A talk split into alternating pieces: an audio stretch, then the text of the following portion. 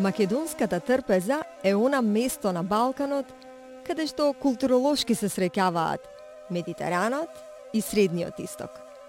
Грижливо негуваната традиција и гостопримството. Бабините рецепти и свежите намирници галени од врелото сонце повеќе од 300 денови во годината. Добре дојдовте на Македонската трпеза – подкаст посветен на македонската традиционална којна.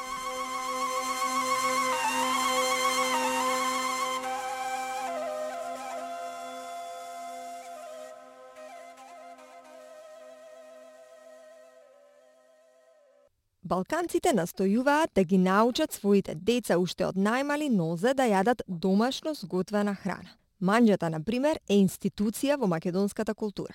Може би во развиените земји како Австралија, гастрономската понуда е огромна, чудесна и разновидна. Но колку и човек да биде љубопитен и отворен за нови авантури и вкусеви, некако секогаш одново се враќа на своето. На добро познатата територија на која главниот збор го имаат мусаката, сармата, графче тавче, пити, мазници, зилници и сите други традиционални кулинарски подвиси. Но дали домашно подготвената храна, која што е традиција во Македонија и на Балканот, може да се смета за здрава храна? Ја прашавме професорката од Факултетот за земјоделство и храна во Скопје, доктор Сонја Ивановска. А, може ли да се смета ете балканската, а со тоа и македонската храна за добра диета. Ги има ли тие карактер... може ли да се смета по своите карактеристики дека тоа е добар начин на исхрана? Значи, нашата храна тоѓа во slow food исхрана. Не е брза храна пред се. Кај нас се уште ја има традицијата, барем да речем кај овие постарите генерации, сега веќе младите живеат малку побрзо и го менуваат начинот на живот и на исхрана. Меѓутоа кај нас е секогаш задолжително да се готви нешто. Барем еве моите деца секогаш јадат готвена храна она класична манџа, нели, каде што а, е употребам природни а, суровини. А, значи, јас ке купам компир, а нема да купам исецкан, подготвен компир предходно од, од маркет. Така. И храна, затоа и зема подолго време да се подготви таа храна, но сметам дека тоа е еден прав начин на подготовка на храната. И се користат многу салати. Салатата кај нас е задолжителна. Дали е пред јадење или е после јадење, значи свежи салати, дали е тоа а, томати, пиперки, да ја речам, ајде, шопска, македонска, каква иде, да а, со а, марула и други друг таков а, лиснат зеленчук, сега те е многу популарни, рокула и има други такви листови свежи кои што може да се користат за салата, па правиме мешавина, ставаме спанак, нафте. Значи, сето тоа според мене влегува во здрава храна, освен нормално десертот, кој што на крај мора да го искористиме, нели, после секоја јадење мора да се касне нешто благо, меѓутоа и тоа е здрава храна ако не се претерува со со благото, нели. А, во секој случај е многу подобро отколку оној начин на исхрана во развиените земји, пица, хамбургери, нели брза храна, а, кои што а, се прилично а, еднолични. Вие внатре немате раз, разни намирници пред се тоа. Значи, на човекот му се потребни протеини од различни извори, затоа што тие протеини содржат различни аминокиселини.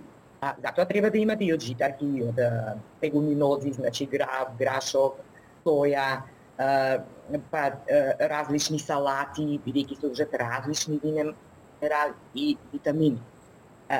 Во, во тој однос сметам дека сме э, се уште на, на онаа линија на здрава храна, па дури во последно време еве во Македонија се отвараат многу ресторани и овие што се исто за брза храна, но што продаваат готвена храна.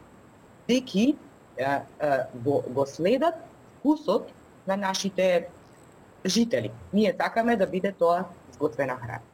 Така, и имам впечаток дека исто и македонците во Австралија ја продолжуваат таа традиција во смисла традицијата на домашно готвено, свежи намирници. Сум налетала на перцепцијата дека земјоделските производи кои што ги користиме тука, зеленчукот и овошјето, дека не се толку добри како тие во Македонија, дека во Македонија се повкусни, па дури и дека се поздрави. Има ли оправданост за таквата перцепција? Да, значи во последно време многу се парни различни написи еми на темата здрава храна. Често пати тамо се злоупотребуваат некои А дури и на производите што се продаваат, на етикетите ќе се прочита дека е тоа здрава, еко храна и така натаму. Тоа ништо не значи во суштина. Сега прво да искоментирам поднос на терминот здрава. Здрава храна значи прво дека тоа е Порам сега од аспект за кога ние се храниме, со што се храниме, дека внесуваме храна од различно потекло, балансирана храна. Конкретно еве односот на а, житарки спрема легуминози би требало да биде 1 спрема 9. Ако внесеме еден дел житарки, една кришка леп, нешто такво, тестенина, 9 пати повеќе треба да внесеме легуминози од аспект на квалитетот на протеините, бидејќи легуминозите се исто така протеинска храна. Многу погрешно и се сметаат за скробна храна, а они содржат многу голема количина протеини. Значи тоа се гравот, се сојата. Прво, значи, треба да биде храната балансирана, да има и салата, значи, заради минерали и витамини.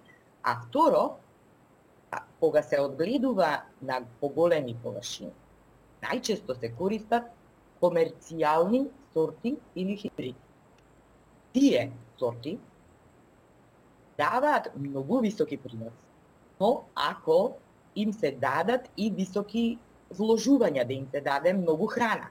Затоа тие интензивно си дубрат, се наводнуваат, значи целосна нега на растенијата, и интензивно се заштитуваат од болести. И се прскаат различни препарати. При тоа, на секој препарат нормално се пишува кога треба да се употреби во колкава количина за да не остава резидуи, патоци на плодовите на семето, тоа што го користиме.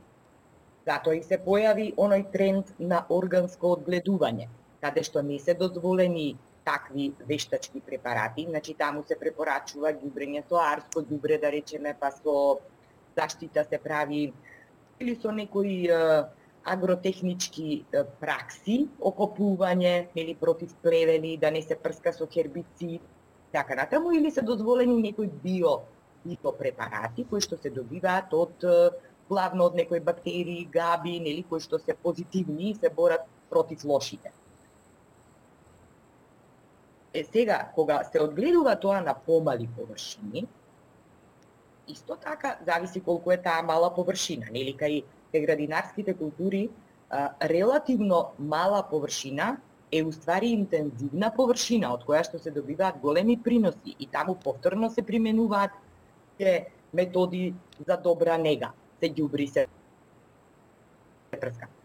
А, она што вие ќе си го одгледате дома во градина, Тука можете рачно да манипулирате. Ако видите дека некој растение е заболено, ќе го испорнете за да не се прошири, ќе посадите некоја зачинска билка, рузмарин што иде од страна или која што ќе дава мирис, па ќе спречи болести, па нема да прскате од озгора за, за да не се појават болести на листовите. Значи со некои агротехнички мерки тоа вие ќе го контролирате и тогаш таа храна е здрава, бидејќи не е третирана со никакви хемиски средства.